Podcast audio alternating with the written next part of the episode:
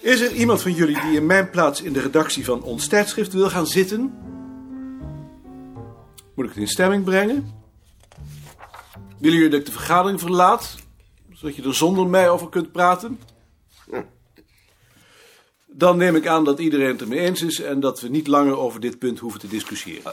Eh, Dat heb ik niet gezegd, hè, dat ik het ermee eens was. Nee, je legt ons woorden in de mond die wij niet hebben uitgesproken. Maar je bent het er dan toch wel mee eens dat we er niet meer over hoeven te discussiëren. Alleen omdat het geen zin meer heeft.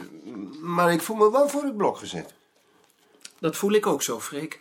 Ik heb het genoteerd. We zijn dus terug bij de vraag die ik daar straks stelde: of jullie wel of niet bereid zijn om een eigen tijdschrift te beginnen. Daar ben ik dus eh, tegen. Ik ben ervoor. Freek is er tegen. Waarom? Omdat ik geen zin heb om me voor het karretje van de commissie te laten spannen. Ik- Ik heb wel wat anders te doen. Ja, ik ben er ook tegen. Waarom? Eigenlijk om dezelfde reden als Freek. Je wilt je niet voor het kaartje van de commissie laten spannen. Ja. Eh, o- Of nee, natuurlijk. Nog meer die er tegen zijn? Eh, Krijg ik ook nog de gelegenheid om te zeggen waarom ik voor ben? Straks. Eerst de mensen die er tegen zijn. Mogen we ook eerst weten wat de consequenties zijn als we tegen zijn? Dan ga ik naar de commissie en dan zeg ik dat jullie tegen zijn, dus eh, dat het niet doorgaat. Dan schuif je wel de verantwoordelijkheid op ons af. Dan leg ik de verantwoordelijkheid waar die ligt. Waarom zeg je dan niet dat je er zelf tegen bent? Daar hoef je ons toch niet voor te gebruiken? Omdat ik daar geen argumenten voor heb. Ik vind dat verzoek een ramp natuurlijk, maar ik vind het wel legitiem. Als wij uit ons tijdschrift stappen, dan mag de commissie eisen dat daar iets voor in de plaats komt. Mag ik nu even? Ik vind het namelijk helemaal geen ramp. Mark, Ik begrijp niet dat jullie met zoveel bezwaren komen. Volgens mij moeten we zo'n voorstel met beide handen aangrijpen. Zo'n kans krijg je niet nog eens. Ik heb niet zoveel bezwaar tegen een eigen tijdschrift, Mark. Ik ben alleen van mening dat wij daar met onze huidige werkzaamheden geen tijd voor hebben. We moeten er toch ook voor oppassen dat we niet overbelast raken? Dan doe je van dat andere wat minder. Dan verkijk je je toch op het ijzeren systeem dat hier heerst. Oh, is het dat? zijn er nog andere argumenten voor of tegen? Als het niet gaat ten koste van het onderzoek. Ik ben wel voor. Ik ook. Dan breng ik het verzoek van de commissie in stemming. Maar moeten we dan niet eerst ook over de inhoud praten? Dat doen we daarna. Eerst de principebeslissing. Wie is er tegen? Wie is er voor? Dan is het voorstel aangenomen met alleen de stem van Freek tegen. Eh, wil je dat ik dat meedeel aan de commissie, zodat je van eventuele verplichtingen ontslagen wordt? Nee, ik, ik, ik, ik, ik doe wel mee, natuurlijk. Ik ben alleen tegen. Zo denk ik er eigenlijk ook over. Goed. Maar in de praktijk maakt dat dus geen verschil. De inhoud. Ik stel voor om de inhoud zo dicht mogelijk te laten aansluiten bij het systeem, zoals Bart dat noemt.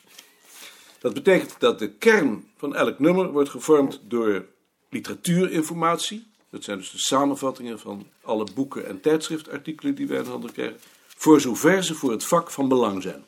Het werk dus dat we altijd al doen. Eventueel aangevuld met handschriften en interviews. En dat we er daarnaast naar zullen streven om in elk nummer in ieder geval één artikel te plaatsen dat een indruk geeft van het onderzoek dat hier gedaan wordt. Is dat wat?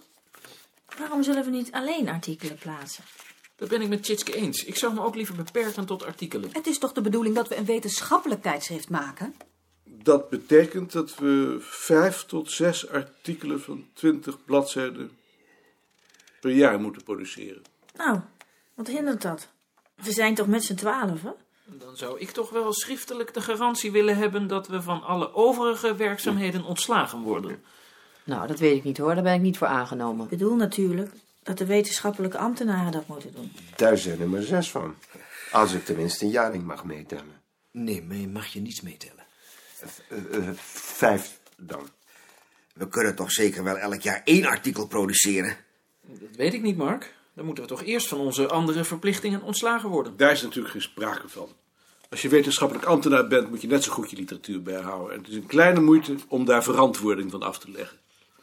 Bovendien hebben we ook een voorlichtende functie. Wij zijn het enige tijdschrift op ons vakgebied. Abonnees moeten bij ons kunnen vinden wat er op ons terrein voorhanden is. Daar is de documentatie nu juist voor. Voor de documentatie is dat te zwaar. Bovendien zijn die nog in opleiding en dat is ook de taak van de wetenschappelijke ambtenaren. Zie je wel dat we toch eerst over de inhoud hadden moeten praten? Was je dan tegen geweest? Dat weet ik niet. Dat kan ik zo niet zeggen. Nog iemand over dit onderwerp? Als het betekent dat ik van Bart geen artikelen mag schrijven omdat ik documentalist ben, dan maak ik daar bezwaar tegen. Oh, Dat, dat heb ik niet zo bedoeld zien. Ik heb er alleen bezwaar tegen dat ik het werk van de documentatie moet doen. Iedereen doet hier in principe alles binnen de grenzen van zijn of haar mogelijkheden. Ik breng mijn voorstel in stemming. Wie is er voor een tijdschrift waarin de nadruk op de literatuurinformatie ligt? Jaring, Joop, Ad, Manda en ikzelf dus. Vijf. Wie is voor een tijdschrift dat alleen uit artikelen bestaat? Sien, Elsje, Freek, Mark, Bart, Tjitske. Joost, Ik onthoud me liever.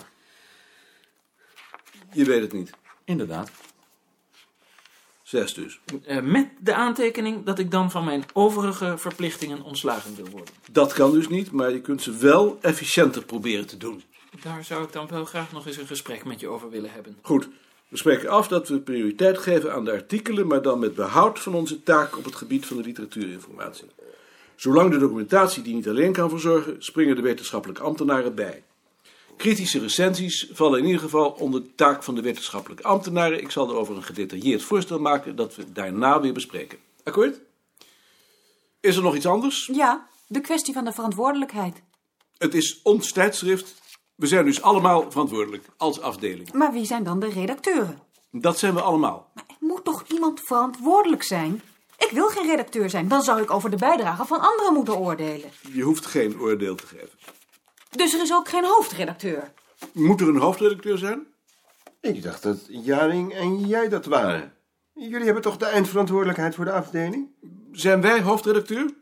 Ik heb er geen bezwaar tegen. Jaring en ik zijn hoofdredacteur. Dan weet ik waar ik me aan te houden heb. Nog iets? Zullen we dan vandaag over een week opnieuw vergaderen over de naam en over de formule? Ik zal zorgen dat jullie dan een stuk hebben met een voorstel. Goed?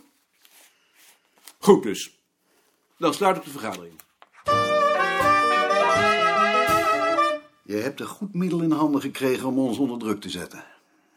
Hoe moeten we dat tijdschrift eigenlijk noemen? Het bulletin? Bulletin. Kan ik je dan nu misschien even spreken? Kom. Zeg het maar. Ik wou graag dat je me precies opgaf welke werkzaamheden ik mag afsluiten. A- Afsluiten kan natuurlijk niet. Ik zal toch tijd vrij moeten maken voor de werkzaamheden aan het tijdschrift? Ja, door wat je doet efficiënter te doen. Dus jij vindt dat ik het niet efficiënt doe?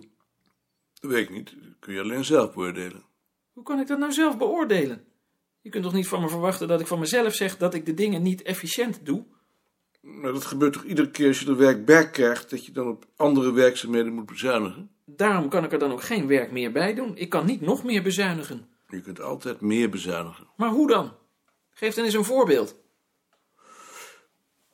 Waar gaat de meeste tijd in zitten? Ik denk het werk voor de bibliotheek. Hoeveel tijd kost je dat? Gemiddeld een paar uur per dag. Dat is veel. Ja, je hebt me dat zelf opgedragen. Jawel, omdat jij daarin veel beter bent dan Ad en ik. Ja, maar dan kun je me achteraf ook niet verwijten dat het te veel tijd kost. Dat doe ik ook niet. Ik vraag me alleen af of je daarop niet wat kunt bezuinigen. Ik zou niet weten hoe. Dan moet jij dat maar zeggen. Hoeveel antiquariaatscatalogie komen er per week binnen? Hoe kan ik dat nou zeggen? Dat is heel verschillend. Gemiddeld. Nou, toch wel een stuk of tien. Die lees je door. Ook de rubrieken die zo op het oog niets voor ons zijn. Omdat het mij meermalen overkomen is dat daar boeken tussen stonden die voor ons van belang waren. Je streept aan wat voor ons van belang kan zijn. Ja, En dan? Dan probeer ik over die boeken nadere informatie te krijgen door er een bespreking bij te zoeken of door het op te vragen in de universiteitsbibliotheek, zodat ik mezelf een oordeel kan vormen. En die informatie tik je uit op een briefje voor Ad en mij, zodat we kunnen beslissen. Ja, Rendeert dat? hoe kan ik dat nou zeggen? Omdat er vaak dagen overheen gaan en dan is het boek vaak al weg. Dan heb je het voor niks gedaan. Je geeft me wel een koude douche. Je suggereert dus dat ik alles voor niets doe. Nee, ik wil weten of jij vindt dat het rendeert. Ja, Dat kan ik niet zeggen, dat moet jij zeggen. Hoe kan ik dat nou zeggen? Jij doet het werk, toch? Dan moet je maar zeggen hoe het anders kan. De enige die dat kan beoordelen ben jij. En ik weet het dus niet. Als je nou eens beperkte tot de catalogie en de rubrieken die voor ons van belang zijn... en je zoekt alleen informatie bij boeken van meer dan 100 gulden... En dan zeker het risico lopen dat meneer Balk met het boek in zijn hand omhoog komt stuiven omdat hij de aanschaf niet verantwoord vindt.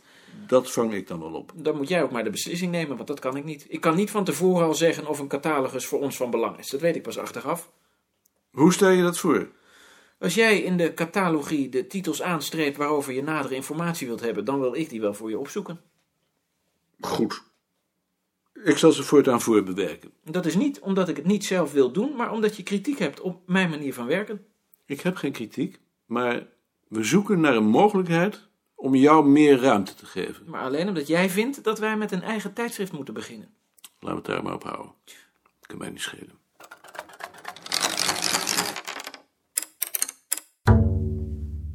Je hebt de brieven bij je? Dag mevrouw Kater. Ga zitten. Het zijn twee brieven. Eén voor Pieters en Nelis en één voor de leden van de redactieraad. Ja, je zegt maar waar ik moet tekenen. Zo. En nu wil jij zeker wel een borrel. Wat Graag. wil je hebben? Eh, hebt u jenever? Ik zal eens kijken.